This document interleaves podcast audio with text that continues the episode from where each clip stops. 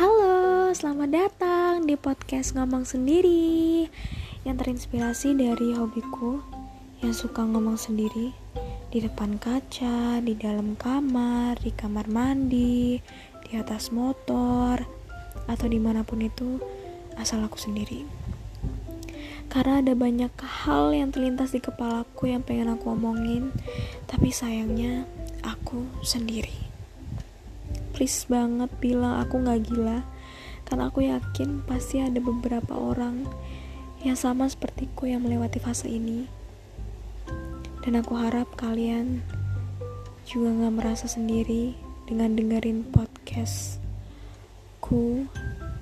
dan celotehan randomku ini. Oke so sampai jumpa